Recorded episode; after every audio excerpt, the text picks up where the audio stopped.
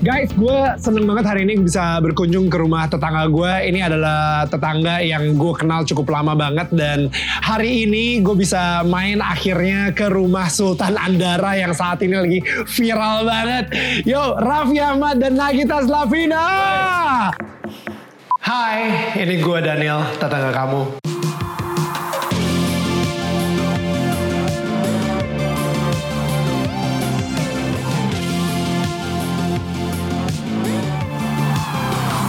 Man, I am so happy to be here. Beneran deh. Thank you Daniel dia udah datang. Bukannya apa ya, kayak gue ngelihat mereka itu ya sebagai youtuber pun, sebagai artis pun, mereka itu punya kerendahan hati yang yang gak ada duanya sih di antara artis-artis lain gitu. Wah. Masya Bukannya apa? Kalian itu bener-bener ya, kayak kalian merangkul banget. Kalian kayak biarpun lu, lu ngelihat lah kalau misalnya kita sendiri di Daniel Mantan Network gitu, wah subscribernya belum seberapa, tapi tetap aja kayak, yuk Nil collab yuk kayak gitu. Apa ada rasa saling support gitu dari Raffi sama Gigi gitu. Kalian kenapa sih bisa kayak gitu? Kenapa sayang? Ke- ya soalnya eh, maksudnya beda gitu kayaknya menurut aku dari kayak eh, culture TV gitu kan kita bersaing gitu TV 1, TV 2, acara 1, 2, 3, 4 sampai Hmm. seterusnya.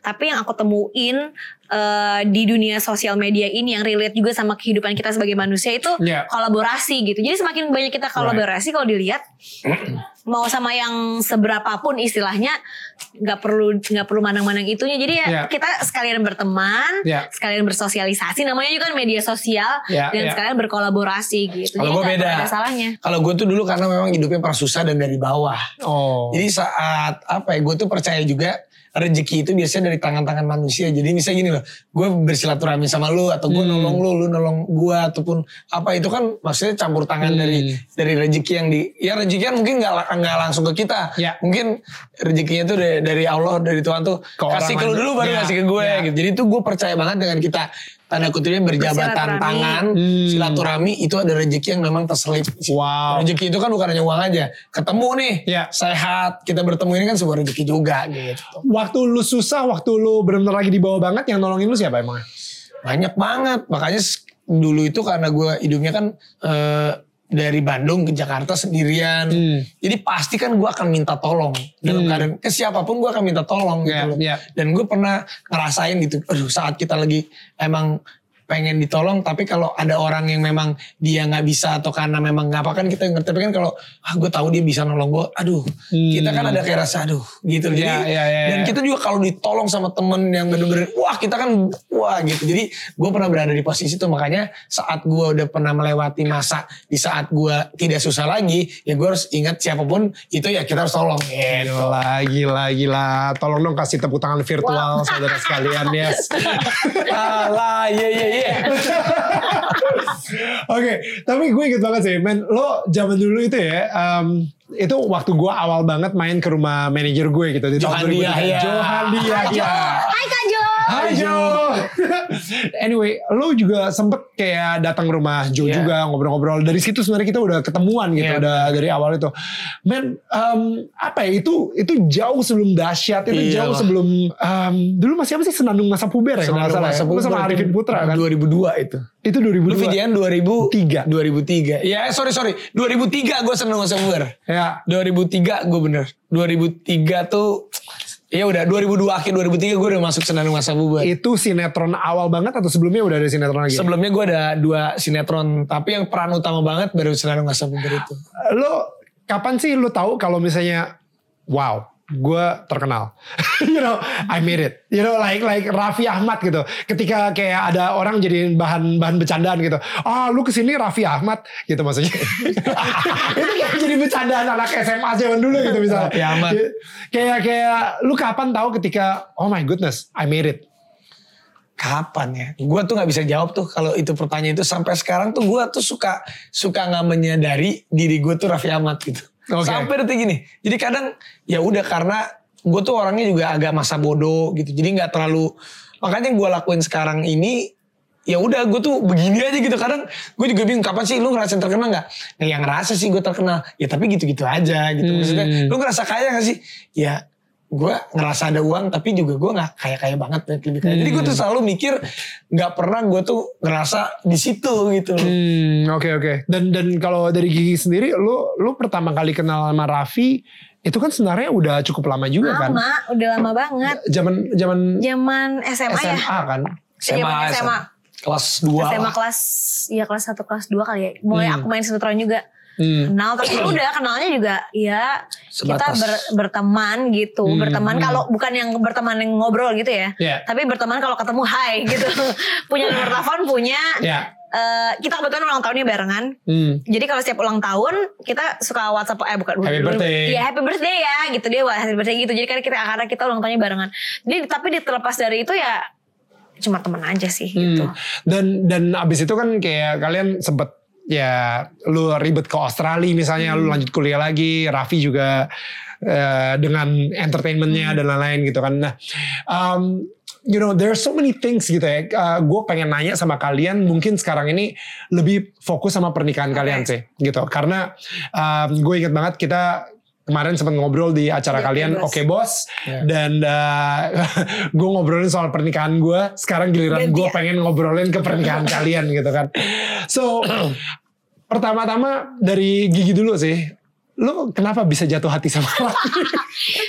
Jadi emang gak boleh banget yang namanya bilang enggak. Jadi aku tuh dari dulu tuh memang selalu, selalu ngomong. right Selalu ngomong. Gue gak akan pernah mau pacaran sama artis. Gue gak akan mau sama Oke. artis. Selalu itu.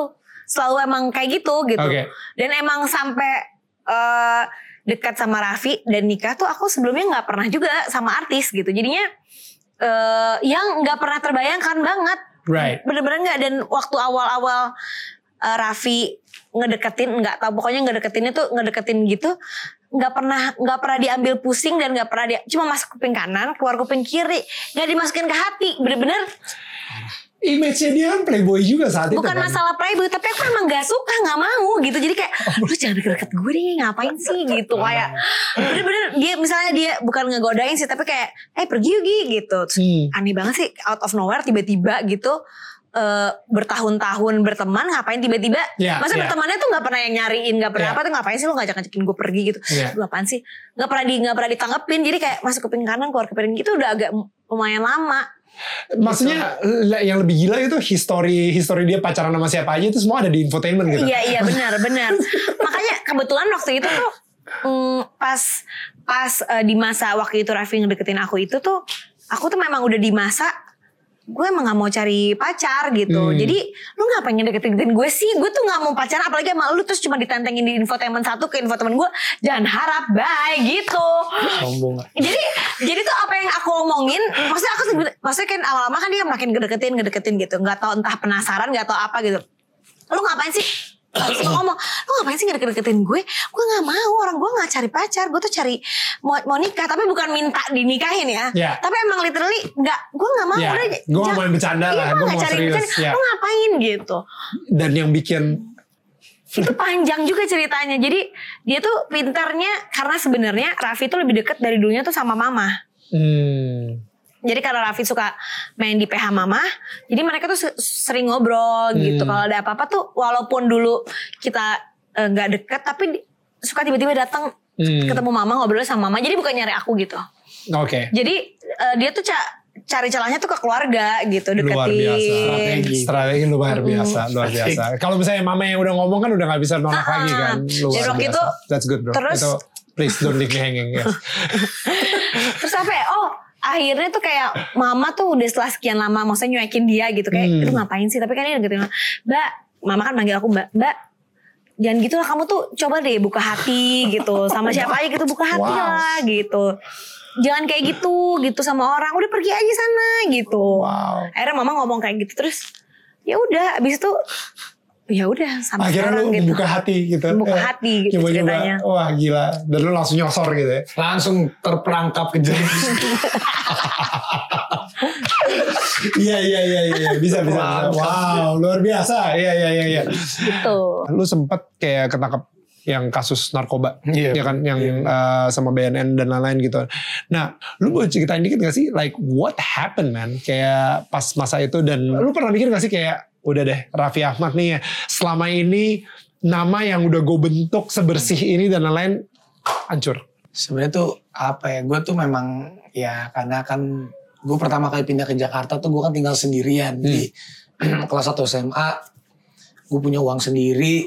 Jadi apa pun itu ibaratnya kebandelan, kebebasan, keliaran tuh Ya. bisa mencoba semuanya gitu. Sampai sa- sewaktu-waktu ya itu gue 2013 memang itu juga teguran juga sih. Kalau memang 2013 gue tidak berurusan sama BNN itu itu adalah apa pun alert juga buat gue karena waktu itu memang yang terjadi sama gue tuh ya gue juga sempat bandel Hmm. gue sempat bandel dan waktu itu memang terjerumusnya tuh memang ya kan di- ya itulah gue juga makanya ini kan pernah terjadi sama gue ya mudah-mudahan anak gue nanti juga ya bisa ngeliat gitu Hmm. bisa ngeliat dan gue pun akan kasih tahu ke anak gue Hmm. jangan pernah melakukan hal yang memang apa pun itu melawan dengan hukum Hmm.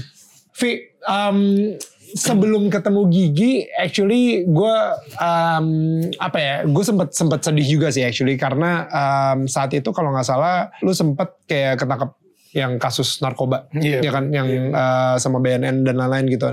Nah, um, lu boleh ceritain dikit gak sih, like what happened man, kayak pas masa itu dan lu pernah mikir gak sih kayak, udah deh Raffi Ahmad nih ya, selama ini nama yang udah gue bentuk sebersih ini dan lain-lain hancur. sebenarnya tuh apa ya gue tuh memang ya karena kan gue pertama kali pindah ke Jakarta tuh gue kan tinggal sendirian di kelas 1 SMA gue punya uang sendiri jadi apa pun itu ibaratnya kebandelan kebebasan keliaran tuh Ya.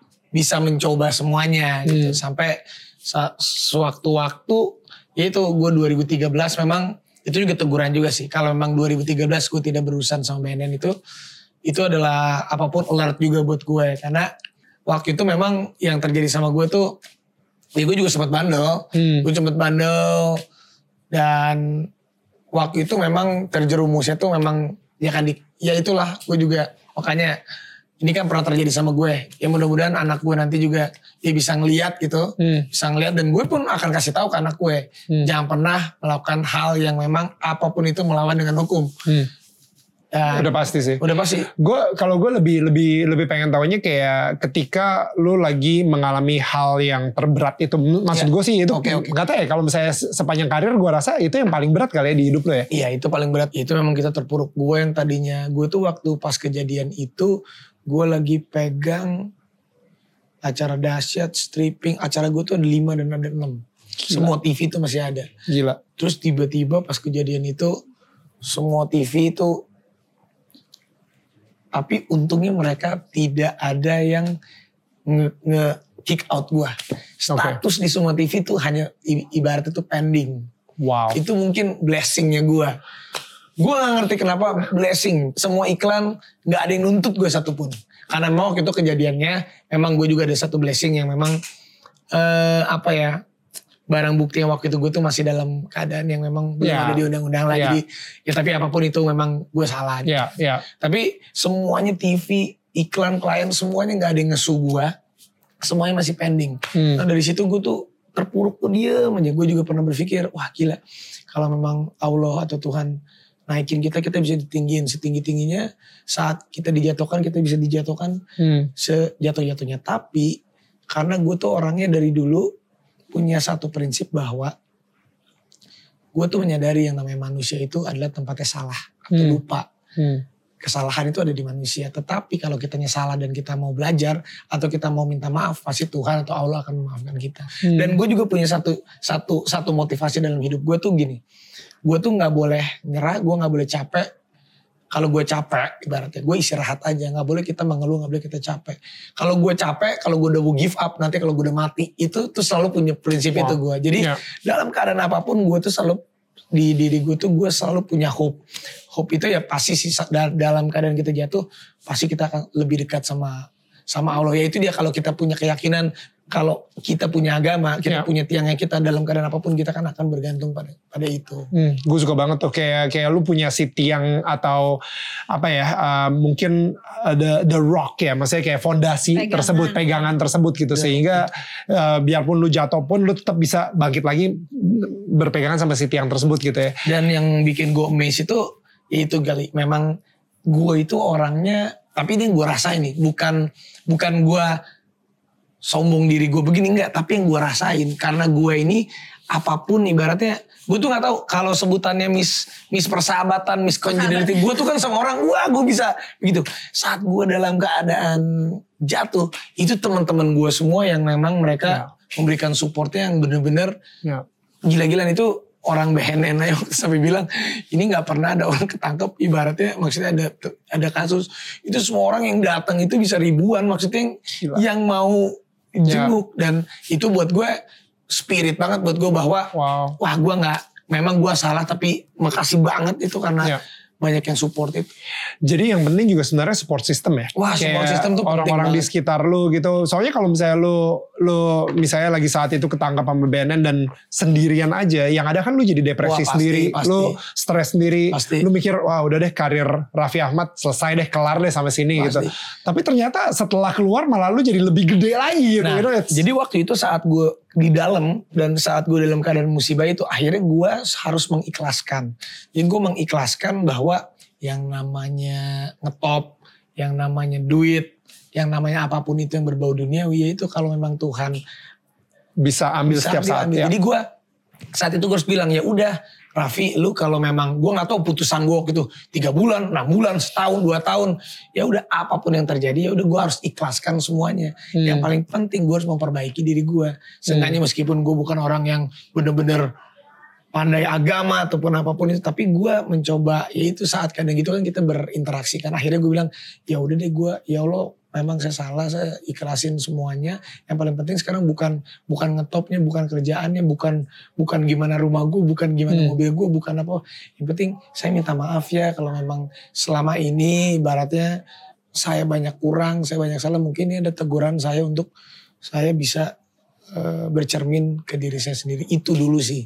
Saat memang kita bisa itu, udah kita lega akhirnya ya udah akhirnya di situ gue ibaratnya mau di mau tetap ditahan mau dibawa ke rehab atau di mana gue udah mengikhlaskan semua ya udah gue gue jalanin santai santai santai Nah, akhirnya udah gue bisa ikhlas emang harus begitu sih Harus ikhlas ya. harus memang sebagai manusia itu menyadari bahwa jabatan apa pun itu tuh hanya atribut saat Hmm. kita memang lagi dicoba sama Allah sama Tuhan bener-bener dicoba nih Hmm. ya kita mah bukan apa-apa bener-bener yang lu bayangin yang satu hari mungkin gue bisa dapat 100 200 300 juta gue cuman diam cuman duduk yang sehari-harinya gue bisa bisa terus tiba-tiba di situ gue disamakan dengan ibaratnya pemakai lah ada Ya. bandar lah ada apalah Ya.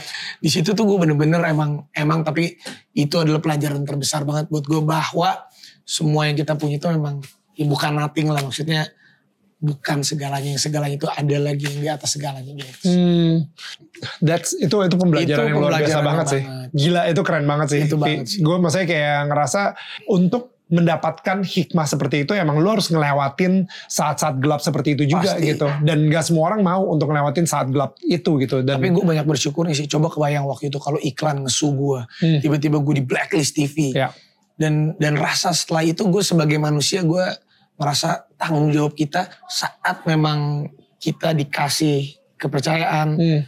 Di, ke- kepercayaan itu entah itu di pekerjaan, di TV, di mana kita harus jaga sebaik-baiknya. lu dikasih bukan kepercayaan aja, lu dikasih kayak power, semacam kayak ke, you know power gitu ya untuk nge-influence orang gitu. Maksudnya Betul. makanya banyak orang yang subscribe di YouTube lu misalnya, banyak orang yang uh, lu tetap rating gitu misalnya karena orang ngedengerin banget apa yang lu ngomong gitu kan. Jadi kayak apa yang akan lu gunakan dengan power yang lu punya sih. I guess kayak gitu sih.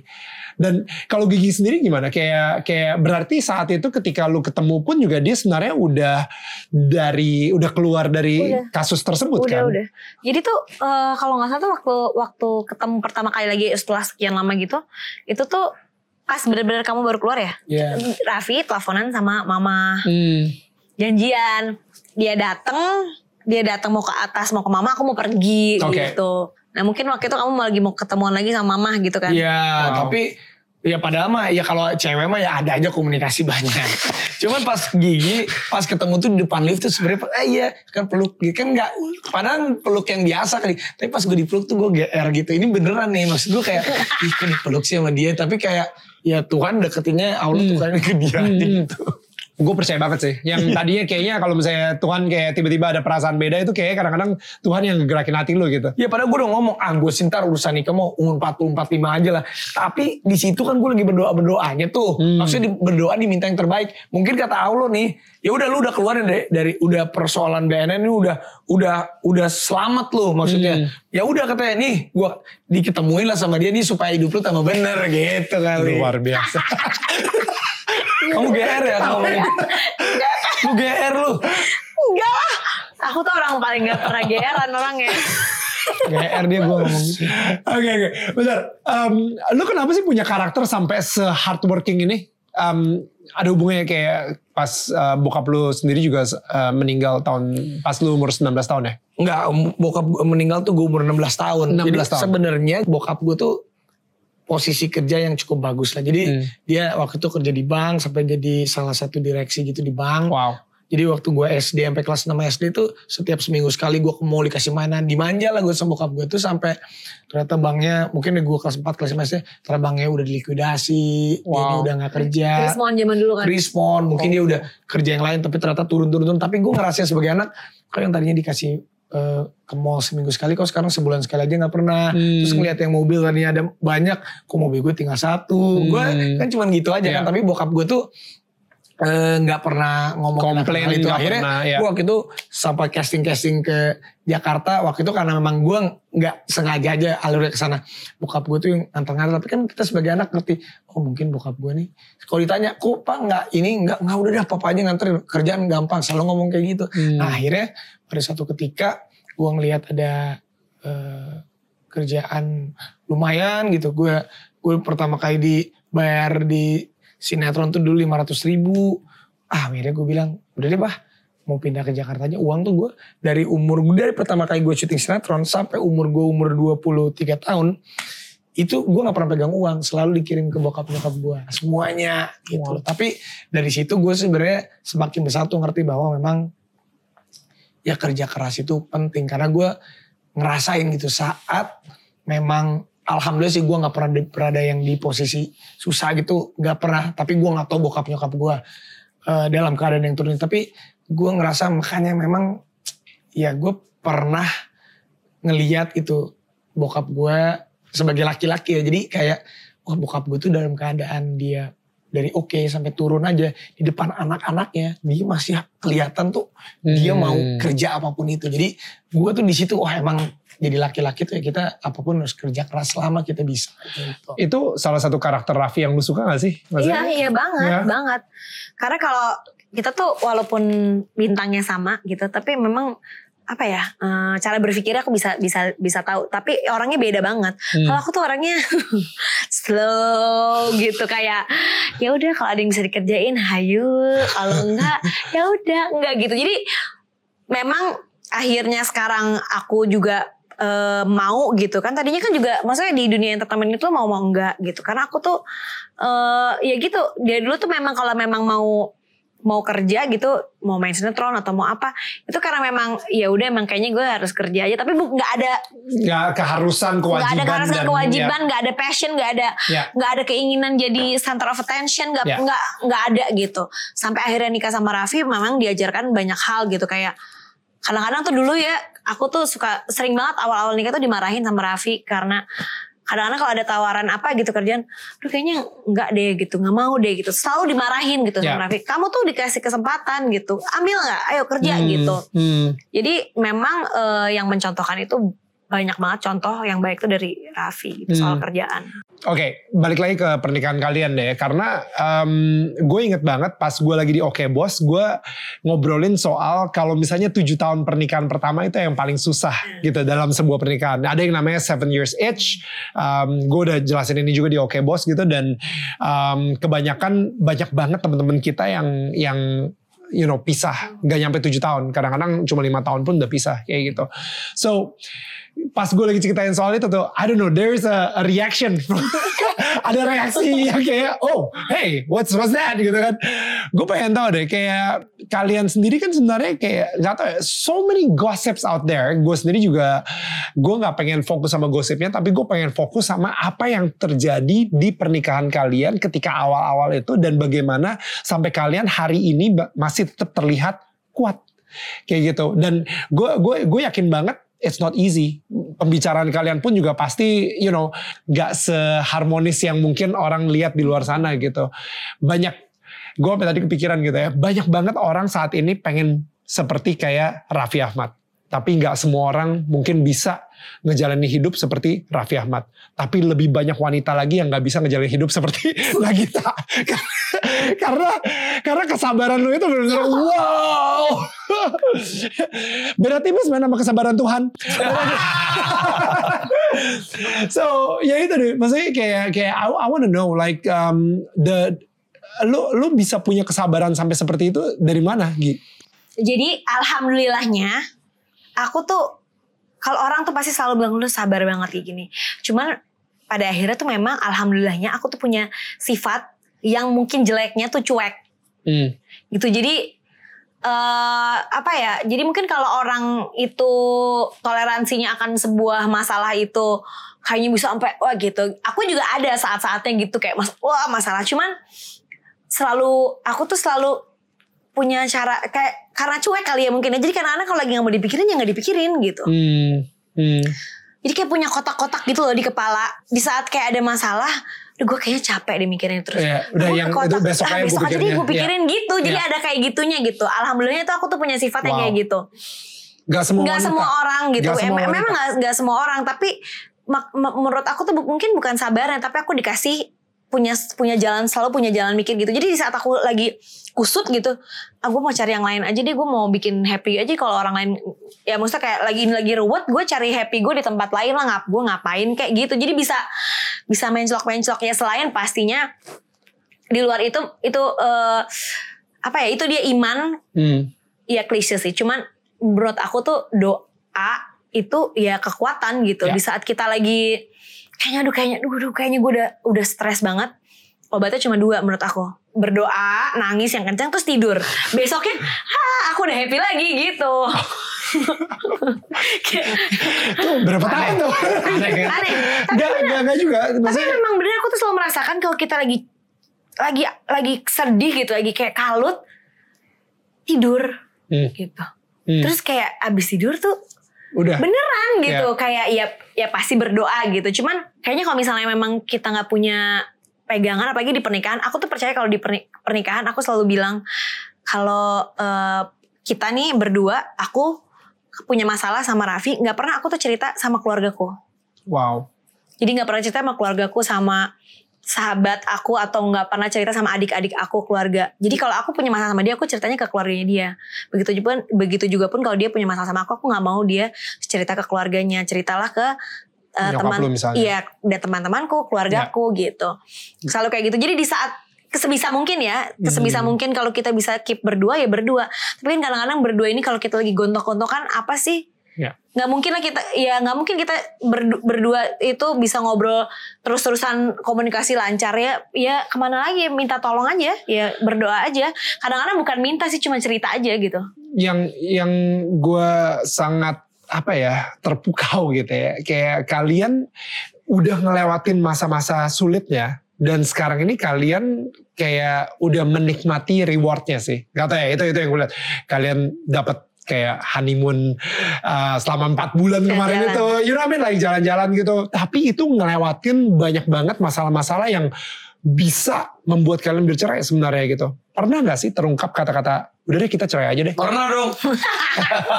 Serius. Pernah. Dari siapa duluan? Dari dia, dari gua.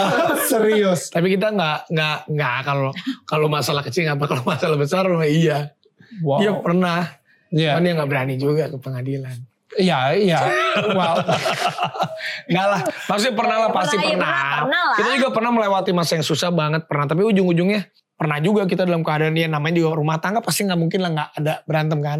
Dia udah mau minta cerai mau udah mau minta cerai. Ibaratnya kalau udah kayak gitu mendingan gue ngomong aja sepaling jelek-jeleknya gue ke dia gitu ibaratnya. Ungkapin aja semuanya jujur aja semuanya gitu. Lu ungkapin apa? Kayak perasaan lo? Kayak misalnya... Semua. Se- Oke. semua jadi nggak ada yang tutup-tutupin. Udah biar dia tahu aja semua gitu. Semua yang gue lakuin biar dia tahu aja. Biar nih udah kan lu udah tahu semua. Sekarang tinggal lu pilih lu masih mau sama gue atau enggak udah gitu Wow. Wow, that's so good. Wah, No, no, no, no, no, no. Ini ini harus dipelajarin Iya, banget nih. gitu. Gue ngerasa emang setiap couple emang harus punya kayak gitu. Setiap pernikahan ada yang namanya HOT, honest, open, transparent. Nah, Udah. gua, jujur lah gue juga bukan malaikat. Gue juga pernah pasti gue banyak ngelakuin kesalahan. Udah kayak gitu-gitu udah udah yang kayak gini. Udahlah. Emang nih gue apa aja nih? Gue jujur semuanya ya. Ya ibaratnya gue udah terbuka sama dia. Jadi Ini jadi udah tinggi-tinggian ya. udah tinggi-tinggi maksudnya gue sampai gue berserah diri gini. Ini kan ibaratnya kitanya masih mencari-cari gitu. Mendingan dari mulut dia, dari mulut gue. Hmm. Kita sama-sama keluarin. Lu maunya apa? Ini gue udah begini. Maunya gimana? Tapi pasti ada waktu berpikir dulu Hmm. setelah itu kan yang penting kita udah tahu ya udah karena menurut gue akhirnya gue mendapat pelajaran gini sih tidak ada manusia yang sempurna Ya. gue sama ibu gue gue sama bokap gue aja mungkin bisa nggak cocok Ya. mungkin bisa berantem mungkin ada yang ada yang tidak disengaja atau disengaja bokap gue menyakiti gue ataupun sebaliknya Ya. nyokap gue pun begitu seiya-iyanya seorang ibu ke anak tapi kan nggak ada gitu yang bener-bener bisa bahkan nanti anak gue pun Rafathar sewaktu hari kalau dia mengecewakan gue yang dia sengaja atau tidak disengaja pun itu darah daging gue sendiri yang gue banggakan. Ya gue harus siap menerima. Jadi intinya gue baru menyadari bahwa pernikahan berumah tangga itu yang di samping kita kalau memang dia bisa ibaratnya menerima segala kekurangan kita tapi bukannya kita ngomong kekurangan kita dan kita tidak mau Berubah. memperbaikinya. Tapi saat kita melakukan kesalahan kita udah ibaratnya udah busuk banget gitu. Kalau dia memang nggak bisa menerima keburukan gue berarti memang mungkin dia bukan jodoh gue gitu tapi saat hebatnya kan saat setelah itu mungkin ada keajaiban saat kita udah saling gini Ya. gue nggak tahu malah kita malah semakin Gila. itu dia Tahun keberapa tuh? Kita mah dari tahun pertama sampai tahun ke sampai sebelum kemarin berangkat ke luar negeri aja tuh kusut gitu Bukan bukan, yang pas lu bener-bener kayak ngebuka semuanya banget. Oke, ini gue, Iya, itu. ini itu tahun keberapa? ya tahun ya bulan puasa sebelum tahun lalu kali Hmm. bukan tahun ini tapi ya memang kayak contoh nih hal gue ketangkep BNN itu kan alert saat gue mungkin ngerasa wah gue dulu anak yang liar masih seorang boy yang Hasn't become a man gitu. Iya. ya. Hmm. Wah, tapi saat kejadian ini beda lagi nih. Eh gue mendapatkan ilham itu, Hmm. gue menjadi seorang laki-laki, seorang suami dan seorang bapak. Ya. Jadi kejadian ini, wah itu yang membuat gue bahwa, wah ternyata nggak bisa nih gue begini terus. Gitu. Hmm. Memang ya gue pun harus berubah. Gue pun harus tahu ternyata dia mencintai gue. Gitu. Karena dia mencintai ke beneran. Maksudnya kan mungkin orang ya kalau kalau kita menikah atau pacaran ya dia akan mencintai bagusnya gue aja. Belum tentu juga saat gue gimana gimana lu akan masih bertahan. Tapi dia masih ada buat gue berarti memang dia yang terbaik buat gue. Itu gue suka banget karena gini, ada momen di mana gue sendiri ketika gue tanda tangan surat pernikahan, harusnya gue udah jadi seorang suami, tapi belum. Gue masih di otak gue itu masih seorang pacar. gue juga. Ya kan, gue masih pengen clubbing, gue masih pengen kayak party-party Iya, gitu. iya. Iya, maksudnya, you know, gue, ya mungkin kita udah tanda tangan surat pernikahan, tapi status kita adalah suami, tapi cara mental gue berpikir Belum. itu masih pacar banget, masih boy banget gitu. I, I became a man uh, atau jadi seorang ayah, um, mungkin ketika anak kedua gue lahir sih. Gue gak tahu kenapa. Yang Cewek. Cowok. yang kedua Oh, yang justru. kedua cowok. Yang pertama cewek. Cewek. Yang pertama lahir pun gue masih kayak masih suka, wah gue pengen party, gue masih pengen, gue pengen jadi the cool dad. gue tau lah ayah-ayah di luar sana sekarang kalau misalnya ini Pengen. di rumah aja jam 8.30 tidur, ya bangun jam 5 Sekarang. pagi. Gak cool. Gue pengennya jam 5.30 gue baru pulang dari party gitu kan. You know, um, pengen segitu gitu. Tapi akhirnya ada sebuah sacrifice, maksudnya pengorbanan ketika kita sadar, nggak nih, gue gak bisa kayak gini terus. Um, ada satu momen gue berantem habis-habisan karena kesalahan yang gue lakukan juga di uh, masa pernikahan gue dan istri gue tuh benar-benar kayak ngelihat gue dia bilang kayak uh, you know ini mungkin adalah the bottom, you know paling Parah. hancurnya, paling parahnya banget di pernikahan kita. Dan gue yang ngerasa iya bener. Dan saat itu di pikiran gue, gue cuma kayak berdoa Tuhan please banget jangan sampai dia pergi Jangan balik ke Jerman Iya, bawa dua anak gue. Gitu you know itu itu gue cuma doa itu aja gitu sama Tuhan. Sampai akhirnya dia bilang nggak dan gue ngerasa banget ini Tuhan sih yang yang kayak nge-guide dia ngomong seperti ini. Ketika dia bilang ini adalah saat terbawah banget di pernikahan kita. Jadi mulai dari sini yuk kita sama-sama Hmm. bangun lagi. Belar gitu kan ya Kalau gue beda. Oh, kalau Kalau gue justru pas gitu, kok gue gak dicerai-ceraiin sih? gitu kalau gue, kok gue gak dicerai-ceraiin? Kok dia gak pergi-pergi? Oh berarti memang dia udah. gitu. iya kan, tapi dari situ gue menyadari bahwa, tapi gue berpikir juga, ya mungkin kalau cewek lain, ya udahan kali sama gue. Itu ibaratnya. Soalnya gini, karena kalau misalnya kita masih berpikir sebagai mental seorang pacar ya, kita sama semasa pacaran gitu ya. Gue gue juga pacaran mungkin you know let's say let's say sama lima perempuan lah kayak gitu ya. Da- dari lima perempuan ini gue pacaran 2 tahun putus. Habis itu pacaran 2 tahun putus, pacaran 2 tahun putus eh, segala kayak gitu lah ya. Sehingga I'm so good at putus, I'm so good uh, lebih Kalau jago udah, udah gitu ya. lebih jago putusnya daripada pacarannya gitu. Jadi sehingga ketika gue nikah, putus tuh gampang banget buat gue gitu. Jadi kayak dua tahun itu gue udah ngerasa kayak, aduh ini mah kayak zaman zaman dulu gue pacaran tinggal putus aja gitu. I'm so good at breaking up. I'm so good at divorce malahan. Lebih parah lagi kalau misalnya, you know, um, anak muda zaman sekarang gitu misalnya lo uh, pacaran, lo tinggal bareng gitu segala. Iya. Uh, dua tahun kemudian, lo Anytime kalau putus. mau udah ya udah putus. Iya kan? Itu dia kenapa orang bilang jangan you know uh, melakukan apa yang suami istri lakuin sebelum lu menikah misalnya seperti itu. I think that has a point gitu. Cuman maksudnya kayak gue penasaran sih apa sih momen di mana lu yang benar-benar you know Ya setelah kejadian itu, setelah kejadiannya udah ngo- ngomong-ngomong gitu. Gue pikir juga, ah kayaknya ini dalam hati kecil gue, ah kayaknya berakhir kali ini gitu kan. Hmm. Berakhir deh. Cuman kok tambah lama malah malah gue ngelihat dia beda, gue ngelihat anak juga beda gitu. Jadi hmm, emang gue ini tipe orang yang tebel muka gitu maksud gue gue tuh memang jarang takut apa pun maksud Hmm. gue gue tuh orangnya yang ya udah gitu bisa begitu tapi hati kecil kan berbeda saat kita melihat realita yang ada dengan pastinya juga ya kalau kita lagi jadi gue merenungnya waktu itu gila juga tapi gue jadi berpikir setelah jadi itu. Gue langsung mengcompare gue berada kalau gue ada di posisinya dia gimana kalau bukan Nagita istri gue gimana. Kalau jadi kan gue berpikir wah kayaknya tapi memang gue nih yang memang harus mencoba berubah gitu. Dan dari situ gue baru mulai paham gitu. Ya memang sih tapi dengan kejadian itu gue yakin gitu kalau dia kayaknya memang bukan kayaknya. Pastinya dia akan menemani hidup gue sampai gue mati gitu. Wow. kejadian itu. Jadi gue meyakini bahwa oh ya udah gitu. Dan pelan pelan semuanya itu kan segala sesuatu nggak bisa kita rubah seperti begini. Semuanya kan masih on progress. Tapi ya ya sekarang jauh lebih baik lah. Gue actually tadi udah tanya sama Raffi, cuman gue belum pernah nanyain ini ke lu sih. Raffi sendiri kan ada satu momen di mana kayak, oke, gue memilih Gigi untuk cinta dia selamanya, Hmm. kayak gitu. That, that was that one moment gitu kan. Kalau lu sendiri, maksudnya Kapan momennya? Eh, kapan momennya Ke- dan dia sendiri juga saat itu mungkin lagi seperti yang tadi Ya. gue bilang kayak lu bisa ngehakimin dia lu bisa ini Hmm. tapi ada satu momen di mana no no gue akan milih dia untuk cinta sama dia selamanya seumur hidup gue Ya itu sebenarnya sebelum sebelum aku memutuskan untuk nikah sama dia sih. oke Eh, kalau dari aku tuh gini, aku tuh selalu eh, berpikir kalau kita punya pasangan, dia eh, bikin salah, itu juga salah kita juga. Jadi kalau dia bikin salah, itu pasti ada andil aku Hmm. salah juga gitu. Entah di mana apa. Jadi pada waktu itu oke dia sal- salah gitu, dia mengakui salah.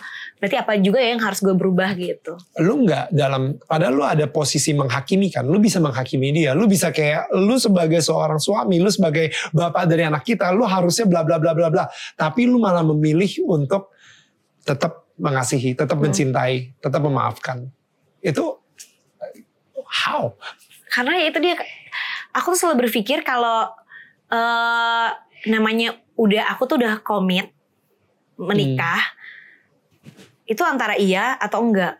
Hmm. Nggak bisa setengah-setengah. Jadi kalau aku udah iya menikah, ya lo istilahnya ya terima aja semuanya gitu. Nanti Hmm. gimana terserah gimana yang di atas mau bikinnya kayak gimana. Ya kita kan emang nggak ada pacaran lama jadi PDKT langsung mau menikah gitu. Tapi memang eh, setiap malam aku selalu berdoa setiap sholat berdoa sujud minta ya Allah kalau misalnya memang dia spesifik nih Raffi Ahmad memang dia jodoh jodoh aku deketin kalau nggak jauhin jadi kok tapi nggak dijauh-jauhin berarti kan Hmm. memang ini memang udah takdir dikasih sama Allah buat aku gitu jadi aku Hmm. percaya di situ sih Hmm. sampai akhirnya nikah ya udah berarti nggak ada putar balik. Ya udah iya. Biarpun ada cobaan cobaan cobaan. iya sebisa mungkin sesekuat kuat mungkin ya harus dijalanin karena aku udah bilang iya gitu. Oke. Karena kalau ya itu dia kalau misalnya kita sama keluarga kita aja mau ibu sama bapak kita aja kalau mau berantem berantem kok gitu. Ya mau ya dia bikin salah mau bikin salah ya sama gitu. Nggak pernah akan ada yang cocok banget tuh. Ya. Mau cari di belahan dunia mana pun nggak akan ada yang cocok. Dan menurut aku akhirnya aku tuh belajar selama bertahun-tahun itu selama bertahun-tahun dari awal nikah sampai akhirnya dia belak-belakan gitu ngomong semuanya aku tuh belajar. Ternyata laki-laki yang model sama dia dan menurut aku kayaknya rata-rata hampir laki-laki itu laki, semua laki-laki itu nggak bisa didikte. Betul. Nggak juga. Iya, iya. Uh, no no ini bener banget. Oke oke. Iya. boleh boleh. Nggak bisa disalahin. Eh, didikte maksudnya kayak didikte kamu tuh salah kamu tuh nggak boleh kayak gini gini itu useless menurut aku semuanya. Wow. Nggak bisa ngomong sama laki-laki kayak gitu. Oke. Kenapa nggak nggak kayak gitu nggak bisa karena nggak Dia akan nggak akan pernah berubah. nggak akan nggak akan pernah berubah ya Tapi Nggak akan- benar. Tapi nggak kan aku nggak per, aku pernah nggak ngomong kamu tuh nggak boleh kayak gitu kamu tuh nggak kamu tuh harus gini gini aku pernah ngomong gitu Nggak, nggak nggak, karena karena gini. aku nggak nggak suka ngomong tuh kayak orang gitu yang karena aku perempuan aja nggak suka kadang-kadang digituin ya Karena laki-laki itu kan logikanya terlalu lebih besar daripada nuraninya. Tapi Hmm. saat si perempuan ini bisa menyentuh hati hati Ya. nurani kita, itu yang akan membuat. Tapi susahnya itu laki-laki. Makanya kan kalau kadang kita berpikir itu meskipun kita misalnya kita dalam keadaan yang tidak tepat, salah. Terus istri kita ngomong, ya kamu tuh sebagai laki-laki begini." kita digituin kan kadang uh gitu. Tapi Ya. saat dia menyampaikannya atau dalam keadaan yang memang bukan masuk ke ini kita nih, tapi masuk ke ini kita, ya itu kan pasti akan ini ini gue suka banget sih karena em, yang tadi Gigi bilang gitu ya eh, untuk ngerubah laki-laki itu nggak bisa didikte tapi ketika lu memilih untuk terus menyayangi dan eh, mencintai gitu ya dan itu baru masuk ke hatinya justru mencintai seseorang akhirnya dia akan berubah Iya. gitu itu itu itu keren sih menurut gue dan satu satu poin lagi sih kalau di di Islam Hmm. itu dan yang aku percaya banget ya Hmm. walaupun bukannya eh, bukan mendiskriminasi laki perempuan ya bukan Ya. tapi aku percaya eh, di dalam pernikahan itu harus ada yang mimpin Ya. gitu nggak bisa sama Hmm. jadi eh, ya udah kalau dia bilang apa ya aku sebagai istrinya mau dia maksudnya bukan nggak bisa menyalahkan dia gitu Oke. jadi pakai cara yang lain aja gitu Gua, tapi kalau misalnya saat itu lu pernah mikir gak sih kalau misalnya yang mimpin agak agak agak ngawur dia Iya misalnya tahun pertama Oh iya, tahun oh kedua iya gitu. pasti, pasti. Ma- masa hidup gue dipimpin sama nih orang nih, ini kayak lagi ngawur nih. Iya, ada, iya tapi maksudnya dipimpin itu dalam arti menghargai apa pun. Jadi misalnya mas soal kecil deh. Walaupun aku nggak mau nih misalnya kayak ya itu masalah kerjaan misalnya gitu ya masalah kerjaan. Tapi kalau dia dia bilang kamu harus pergi, aku pergi gitu. Hmm. Kalau dia bilang aku nggak boleh pergi, aku nggak akan pergi gitu. Kayak gitu-gitu. Hmm. Jadi eh Jadi kalau bilang aku mau nikah lagi gitu kamu gimana? nggak. Karena waktu itu aku tuh sempat belajar gini. Lu jangan nekat lo. Lu tadi udah hampir bikin dia berkaca-kaca nangis kayak gitu kan. Enggak, aku tuh aku tuh berpikir gini. Kan aku selalu berdoa ya Allah jadikan jadikan eh, maksudnya aku tuh eh, mau punya suami yang begini begini begini begini menjadi Hmm. seorang pemimpin yang bisa mimpin aku yang bisa ngajarin aku bla bla bla bla bla. Tapi kadang-kadang aku berpikir balik, aku tuh udah menjadi istri yang bener dulu belum gitu kan. Hmm. Hmm. Ya udah kalau dia belum bisa mau berubah ya udah gue aja dulu yang berubah gitu kan. Oh. Jadi jadi seorang istri yang bener dulu gitu. Hmm. Nurut gitu apa pun. Nanti kan mau nggak mau dia ha- harus mau nggak mau jadi nanti karena gi- eh, nih balik lagi kalau di agama aku tuh se- selalu eh, ada pelajaran kita tuh eh, harus memantaskan diri sama orang kan. Apa tuh artinya? Memantaskan jadi kalau misalnya orang baik ketemunya sama orang baik. Hmm. Kalau kita baik nanti otomatis insya Allah pasangan kita tuh baik Wow. gitu. Ya. Jadi ya udah kita benerin diri kita dulu aja sendiri gitu. Rencananya sih waktu itu gitu. Wow. Dan Tapi akhirnya alhamdulillah, berhasil sih. iya. Iya makanya akhirnya berhasil. Dan lu kayaknya ketika lu benar-benar fokus untuk merubah diri lu untuk menjadi lebih baik, lebih baik, lebih baik. Gue ngerasa kayak Tuhan mempersiapkan lu. Ini loh suami yang menjadi lebih baik, lebih baik, lebih baik nah, lagi itu buat dia lu. maksudnya ya Hmm. gitu. Kalau gue gue tahu sih kayak kayak kalau misalnya istri gue gitu ya, Hmm. trik dia adalah trik dia. Dia tahu potensial gue tuh di mana. Dan dia nggak pernah ngomong uh, gua apa adanya saat itu, tapi dia selalu ngomong gua akan menjadi seperti apa. Jadi dia percaya, dia dia imanin gitu. Kadang-kadang uh, kadang-kadang kalau misalnya misalnya contohnya, wah gila kamu hebat banget sih kamu bisa bangun pagi terus setiap hari. Wah akhirnya gue jadi makin semangat bangun pagi terus setiap hari gitu. Jadi padahal padahal tuh mungkin baru hari ketiga gue bangun pagi gitu misalnya and stuff like that. Jadi kayaknya uh, apa yang di ngomongin sama istri gue akhirnya jadi kenyataan gue I become what she said gitu Uh, tanpa ngerubah gue lu harus kayak gini ya lu harus kayak Iya. gitu ya lu harus kayak itu gini sebenarnya kalau gaya bicara itu tuh aku tuh sempat bicara sama psikolog waktu itu psikolog. Jadi memang katanya kalau sama laki-laki itu harus lebih persuasif. Jadi nggak boleh didikte. Hmm. Jadi harus aku tuh pengennya gitu. Oh. Ketawa dong nih triknya. Tapi bukan itu jadi akhirnya bukan bukan jadi suatu kayak trik, tapi Ya. itu menjadi suatu kebiasaan bagaimana berbicara sama suami Hmm. gitu. Gue jawab, ah, aku nggak pengen. Gitu. Ya, gitu. ya nggak apa-apa dan dan itu dia kayak karena kita juga eh, aku sih pribadi jadi udah nggak udah udah udah masa udah menjelimet gitu akhirnya juga eh, dia tidak terlalu bergantung dan berharap banyak gitu jadi ya udah fokus ke diri sendiri bukan ke bukan ke suaminya gitu ya Hmm. walaupun relationshipnya harus dibenerin tapi fokusnya ke lebih banyak ke diri Ya. sendiri gitu Ya, eh, kita sempat ketemu pas suara lu lagi bener abis-abisnya, lagi hilang banget Hilang. gitu. Itu gara-gara lu overwork banget. eh, ada nodul juga kan? Ada, Itu, ada. eh, kalau gue gue udah sempat operasi, tapi kalau misalnya Raffi eh, nggak operasi ya saat itu. ya. Tapi udah lumayan. Lu istirahat ya, udah better. Nah, em, apa sih yang lu, lu pikirin saat itu? Itu lu ngerasa itu sebagai ujian juga gak sih dari dari dari Tuhan? Pasti sih, cuman kan gue waktu itu mikirnya, waduh ini kalau gue so ini setiap hari kan kita kan kalau gue itu waktu itu setiap jam 5, jam 6 maghrib udah hilang suara gue. Gila. Pasti. Sedangkan kalau gue masih kerja hajar sampai jam 2, jam 3 malam. Jadi gue selalu mikir gini, aduh Sabtu Minggu aja gue masih ada kerjaan, tapi kan gak setiap hari. Jadi gue itu ritmenya dulu Senin sampai Selasa doang nih suara gue baik. Rabu ke Minggu hilang. Hmm. Terus mungkin kalau gue Sabtu Minggu kerja lagi, udah wah akhirnya waktu itu sempat setahun gue hilang. Ya akhirnya gue ketakutan kalau suara gue nggak balik lagi gimana. Hmm. Ini apa apa sedangkan gue nyari kerjanya di sini.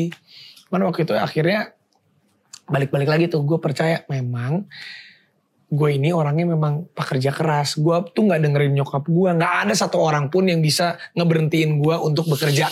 benar Ternyata suara gue ini mungkin ini Ya. sama Allah nih dikasih ya udah nih lu istirahat dulu akhirnya gue bisa pergi sama istri gue sama anak sama Hmm. anak gue Ya.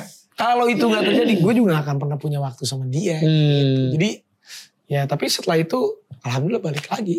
Apa yang kalian dapetin pas lagi umroh kemarin? Ini yang sebelum corona loh ya? iya pasti ya kita pergi jalan-jalan. Buat- ya banyak sih. banyak itu lah. karena tuh kita kalau aku aku pribadi ngerasainnya tuh eh, bener-bener kayak suami istri beneran gitu tuh di saat kita pergi. Karena kalau udah di, di Jakarta udah wah dari awal nikah sampai sekarang pun juga kerjanya tuh dari pagi sampai pagi dari pagi sampai pagi. Dan kita tuh waktu quality time-nya tuh waktu bareng-barengnya tuh ya sambil kerja gitu. Iya. nggak ada nggak ada waktu yang benar-benar gimana ya? Kayak istri menyiapkan semuanya buat suami. Kadang-kadang aku juga bangun siang apa segala macam. Nah di saat kita pergi empat bulan itu ya benar-benar ya kayak suami istri gitu. Wow. Hmm. ya apa pun itu aku jadi harus nyiapin.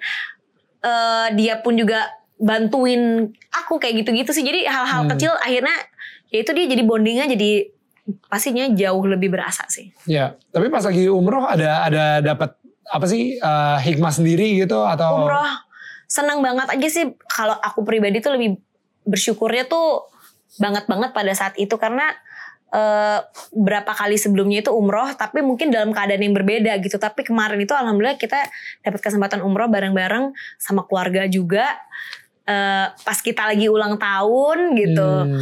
jadi ya bersyukurnya luar biasa banget sih waktu kemarin itu Soalnya nggak jauh setelah itu Mekah kosong kan gara-gara Iya. corona, ya kan? Jadi kayaknya kalian benar-benar kayak yang nyicipin terakhir lah Iya, benar. sebelum Itu udah akhirnya kloter terakhir. itu terakhir, terakhir, ya. Ih, Gila. Dan lu sendiri gimana, Vi? Maksudnya kayak sekarang nih, man, I I feel like lu benar-benar saat ini lagi Ya, ada lima acara lagi. YouTube juga kenceng banget segala kayak gitu. Like uh, you're you're you're back on top, bukan bukan back on top ya. Maksudnya ini bahkan lebih tinggi daripada sebelumnya malahan kayak gitu kan. So uh, apa sih kira-kira rencana rencana Allah gitu yang sekarang ini membuat lu berada di posisi yang seperti ini juga gitu? Hmm, gue tuh orangnya sebenarnya kalau untuk ambisius, gue tuh seneng kerja, tapi gue tuh nggak ambisius, tapi gue merencanakan semua. Oke. Tapi gue tuh bukan yang enggak, tapi gue tuh orangnya punya rencana gitu, punya rencana yang sekarang gue mau lakuin. Gue udah menyadari gitu kayak sekarang ya udah mau umur 35 gini udah mulai gue juga tahu tenaga gue gue udah tahu mungkin gue juga udah nggak selincah dulu kadang juga bukannya kadang kan cara kita menempatkan diri karena usia kita juga Ya. jadi gue udah tahu gitu mungkin yang tadinya gue kalau pesawat tuh terbang di ketinggian berapa kaki, gue nih memang harus turunin juga. Turunin itu maksudnya gue berada- beradaptasi dengan keadaan gue, keadaan anak gue juga yang mungkin nanti harus lebih banyak gue kasih perhatian. Gue juga sekarang sih pengen juga punya anak lagi. Jadi, hmm, tapi gue mempersiapkan di kerjaan yang lain kayak sekarang si Ran sendiri gue udah mencoba membuat sesuatu hal yang lain lagi. Tapi gue tuh cukup apa ya orangnya tuh cukup terplanning lah kalau untuk masalah Iya. begini-begini. Iya, Apalagi juga ya gue juga sekarang sih pengennya lagi mempersiapkan semua supaya nantinya seenggaknya tuh sebelum gue 40 gue udah syuting tuh buat gue sekarang gue masih kerja. Gue nanti kalau umur 40 tuh syuting tuh jadi hobi. Ya, ya, ya. Gue Pilihan. Lu bisa memilih kalau untuk gak ngambil gitu Betul. kan. Kalau Ya, ya. sekarang kan kita juga ah gue masih butuh juga Iya, iya, iya, iya. apa pun itu. Tapi gue pengen mencoba nanti berada di posisi itu. Hmm. Jadi kalau sekarang kan kita nih nggak tidur tidur karena ibaratnya kita nggak tidur tidur kita ngejar uang. Hmm. Tapi gue pengen nanti suatu saat nanti kita tidur aja biar rezeki yang nyamperin uang uang ngejar lu terus gitu kan. Iya tapi semuanya kita setting lah deh sekarang. Hmm, luar biasa. Vi, eh, lu sendiri yang yang apa ya? Nggak tahu ya. Gue gue ngelihat you become lu jadi nggak tahu kenapa deh. Gue ngerasa ya emang lu pas gue ketemuin dulu sama sekarang itu berubahnya benar-benar kayak 180 derajat sih? Iya sih. Malah sama aja sih. Eh, No no no, mas gue mas gue eh, kayak I don't know why, kayak there is something about you tanggung jawab kali. Kayak lu lebih bertanggung jawab kali sekarang. Ya kalau bertanggung jawab pasti sih karena hmm, kita kan juga mikir sekarang kalau gue pribadi sekarang ya ibaratnya sekarang gue udah punya ada istri ada anak dan gue anak gue nih sekarang umur udah lima tahun. Ya, Jadi maksudnya gue juga gue juga pengen menjadi sosok oke. sosok yang bisa seenggaknya kalau seluruh dunia atau dunia entertain ini udah gak ada lagi yang ngefans lagi sama gue, seenggaknya anak gue tuh masih ngefans sama gue. Gitu. Wow. Jadi seenggaknya gue masih ada satu cerminan yang ya seenggaknya gue ada ada motivasi gitu ngebikin sesuatu hal yang baik Hmm. buat anak gue gitu loh. Jadi gue ada rasa tanggung jawabnya itu sekarang. Hmm, it- bisa dibilang gak sih kalau misalnya Rafathar itu eh, ketika lu juga tadi kan ngomong gitu ya pas kita lagi ngom- eh, bikin konten di situ gitu. Ketika Rafathar umur sekian, lu tiba-tiba itulah kayak titik balik si pernikahan tersebut gitu. Ya, is, is that it atau ada lagi yang lain? Iya pastilah saat anak kita bayi umur 1, 2, 3 dia nggak ngerti apa-apa. Dia kan nggak tahu gitu loh. Hmm. Maksudnya ya gue nggak ya udahlah tapi nggak nggak terlalu bondingnya tuh belum, Belum dia karena dia tuh nggak kalau bayi banget nggak bisa diajak ngo- ngobrol gitu tuh kalau udah nangis kasih ibunya gitu Iya, iya. ya tapi kan saat kita ngelihat anak kita nih dia udah mulai bisa ngomong dia anak kita dia udah bisa ngomong apa yang dia suka apa yang nggak suka ternyata gimana sih apalagi anak laki-laki kebetulan si Rafathar tuh dekat banget sama ibunya kan Hmm. gimana dia menganggap ibunya tuh udah segalanya. Jadi gue berpikir, aduh, gue nggak boleh menyakiti ibunya. gitu. Wow. gue juga sebagai suami, eh sebagai bapaknya dia, wah gue juga nggak boleh mengecewakan. Jadi bener-bener anak semakin besar saat dia sudah bisa melontarkan kata-kata. Bisa dia ngomong gini, Rafathar, sayang mama atau sayang papa nomor satunya siapa? Bisa dia bilang, mama. Ya gue sendiri, ya gue tahu itu ibu kan pasti nomor satu. Jadi wah gue nggak boleh nih nyakitin ibunya gitu. Wow. Jadi kan itu saat dia nggak bisa ngomong kan kita juga dulu kan wah gitu. Tapi saat gitu kan waduh gitu loh. Jadi Iya sih. jadi banyak banget yang bisa ngebuat kita berubah itu. Emang bener sih. Memang gue percaya nih kayak circle of life. Ya. Allah itu bikin semua ini. Ini tuh kan semuanya memang yang terbaik gitu. Saat kita dikasih istri pasti di saat yang paling tepat. Dikasih anak saat yang paling tepat. Jadi memang semuanya itu takdir dari Allah itu itu yang terbaik itu Ya, bener-bener. ya. Jadi gue percaya. Makanya pas anak gue, ah, jadi gue bener-bener kayak ngerasa semua yang dikasih ini tuh bener-bener ya, ya memang ini udah bener-bener yang terbaik bisa membuat kita Ya. menjadi lebih baik gitu. Ya, ya. Soalnya gimana cara nanti Rafathar memperlakukan istrinya Iya itu akan kan terlihat dari betul. bagaimana lu memperlakukan betul uh, gigi gitu. betul banget jadi gue juga semakin anak semakin besar kan semakin kita juga apalagi umur umurnya dia di 4, 5, 6, 7, 8, 9, 10 tahun ini Hmm, Krusial. memori memorinya dia ini ibaratnya kita kalau kalau kita mau buka bisnis ini baru na- nah, baru baru bener-bener nanam nih Hmm. Ya itu tak bener-bener yang lagi masuk-masuknya di dia gitu loh. Ya. Jadi itu yang bener-bener bikin gua Ya. Nah, kalau misalnya dari Gigi sendiri gimana? Like, uh, you know, oh, actually ini pertanyaan yang selalu gue tanya ke semua orang.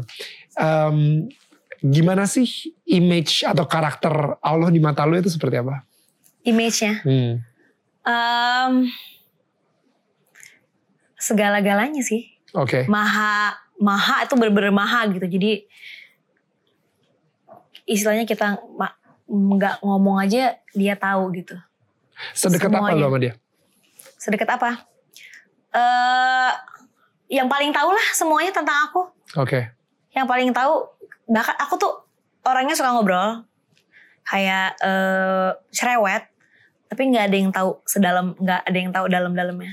Yang Iya. tahu ya cuman ya mungkin cuman Allah doang. Ya, ya.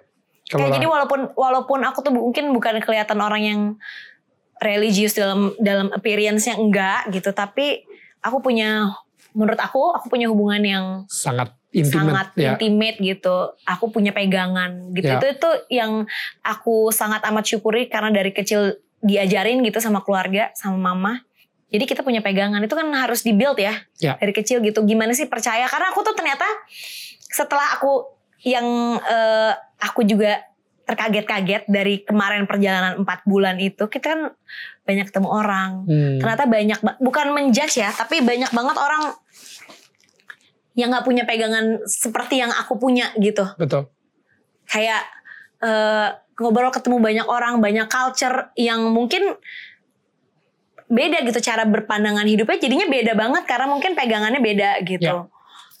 Ya kayak gitu-gitu sih jadi kayak oh ternyata jadi lebih banyak bersyukur oh alhamdulillah ya gue tuh di- dari kecil tuh diajarin gitu walaupun mungkin dulu waktu kecil belum ngerti cuman kayak take it for granted gitu kayak Ya. ya udah apalah gue ngafalin apa Ya. apa segala macem gitu harus sholat iya harus Ya. sholat harus kayak semuanya tuh kayak di Ya, ya udah dicekokin gitu lah dicekokin gitu. aja Ya. gitu tapi baru ngerasa sekarang oh kalau kita ada di culture ini tuh kayak gini tuh ya Allah kalau aku kayak gitu nggak punya pegangan mungkin aku gimana ya gitu jadi Hmm. kayak bukan menjudge ya orang punya pilihannya masing-masing cuman melihat banyak kenyataan di luar sana ternyata yang lebih mengerikan gitu buat aku menurut aku di di apa ada beberapa teman-teman gue dari Eropa gitu ya mereka ketika mereka ngelihat kita syuting gitu ya mereka sampai kaget loh sebelum kita syuting kita doa dulu satu studio doa itu bukan sesuatu yang normal di di Ah, Eropa iya, gitu iya, misalnya iya benar. kayak, Kayak kemarin what? kayak eh, teman aku ada orang Korea gitu. Aku ya ini bukannya bukannya gimana tapi kan di sana kan mungkin sus- eh, kayak bunuh diri itu suatu hal yang biasa. biasa. Iya, udah tapi culture. aku baru karena jadi aku melihat oh mereka tuh nggak ada nggak punya Pegangan. pegangan, begitu begitu mereka stres Yaudah gue mau apa lagi nggak punya takut nggak punya pegangan gitu bukan menjadi ya memang mungkin pilihannya dia kayak gitu Ya. cuman jadinya lebih banyak bersyukur coba Ya. ya Allah kalau misalnya gue nggak ngerti apa-apa gitu dulu terus gue punya masalah gue kayaknya udah udah Ya, ya. ya kayak gitu sih gitu Ya, jadi ya. hmm, punya suatu hubungan yang banyak menyelamatkan hal dalam hidupku sih sebenarnya Ya. Vi, Tuhan di mata lo itu seperti apa? Ya kadang kita, gue sih sering melupakan gitu. Maksudnya kadang kita kan, wah kalau kita lagi head on dengan ini mungkin kita lupa. Gue, tapi gue saat gue ngerasa lagi kenapa-napa selalu ada. Jadi Allah itu selalu ada buat umatnya, selalu ada buat kita. Tidak berwujud, tidak berzat, tapi maha segalanya. Dan setiap kali gue memang memutuskan sesuatu hal pasti ya udah gue ikutin kata hati gue tapi pasti gue dengan doa doa gue gitu dan gue yakin kalau gue berdoa emang gue berdoa dengan hikmat dengan tulus dan gue pasti sebut nama Allah apa pun hasilnya itu berarti memang jawaban dari Allah gitu. Dan sampai detik ini setiap kali masalah apa pun yang terjadi dalam hidup ini nggak ada yang gue sesalin. Seburuk-buruk yang gue alamin itu adalah rezeki gue rezeki juga buat gue. Bahwa mungkin kalau gue nggak mengalami hal itu gue nggak akan jadi seperti sekarang jadi gue percaya banget setiap kali yang gue hadapin setiap kali yang gue lewatin itu memang udah takdir dari Allah dan takdir dari Allah itu gue selalu percaya bahwa setiap manusia yang diberikan cobaan oleh Allah Subhanahu Wa Taala oleh Tuhan pasti tidak akan di luar batas kemampuan kita. Amin. Oke, guys, thank you so much. That was like an, an amazing conversation. Thank you banget. Uh, dan buat kalian juga yang udah ngikutin banget, ini benar-benar keren banget. Kita akan ngobrol lagi pastinya. Dan so uh, sekali lagi bagi tetangga-tetangga kita yang lagi nonton, uh, yang pengen juga curhat atau mungkin ngasih tahu tentang, um, you know, mungkin punya pertanyaan buat gue atau mungkin buat uh, tetangga-tetangga kita juga gitu. Nanti akan gue interview Nah, kalian bisa langsung aja komen di YouTube atau mungkin uh, di YouTube channel kita Daniel Mananta Network atau mungkin kalian bisa langsung leave di Instagram DM kalau misalnya itu pribadi banget di @danielmananta_network atau bisa juga melalui uh, ya kolom komentar di Instagram kita juga. Thank you so much guys sudah mendengarkan podcast Daniel Tetangga Kamu. Dan jangan lupa di follow podcastnya dan share ke sosial media kalian menggunakan hashtag Daniel Tetangga Kamu. Sebisa mungkin gue akan repost keseruan kalian ketika lagi mendengarkan podcast ini. Kalian juga bisa menyaksikan Daniel Tetangga Kamu setiap hari jam 4 sore waktu Indonesia bagian Barat di channel YouTube Daniel Mananta Network. Karena setiap minggunya akan ada sosok-sosok inspiratif yang akan menceritakan perjalanan hidup mereka dan hubungan mereka dengan Tuhan. Sampai ketemu minggu depan.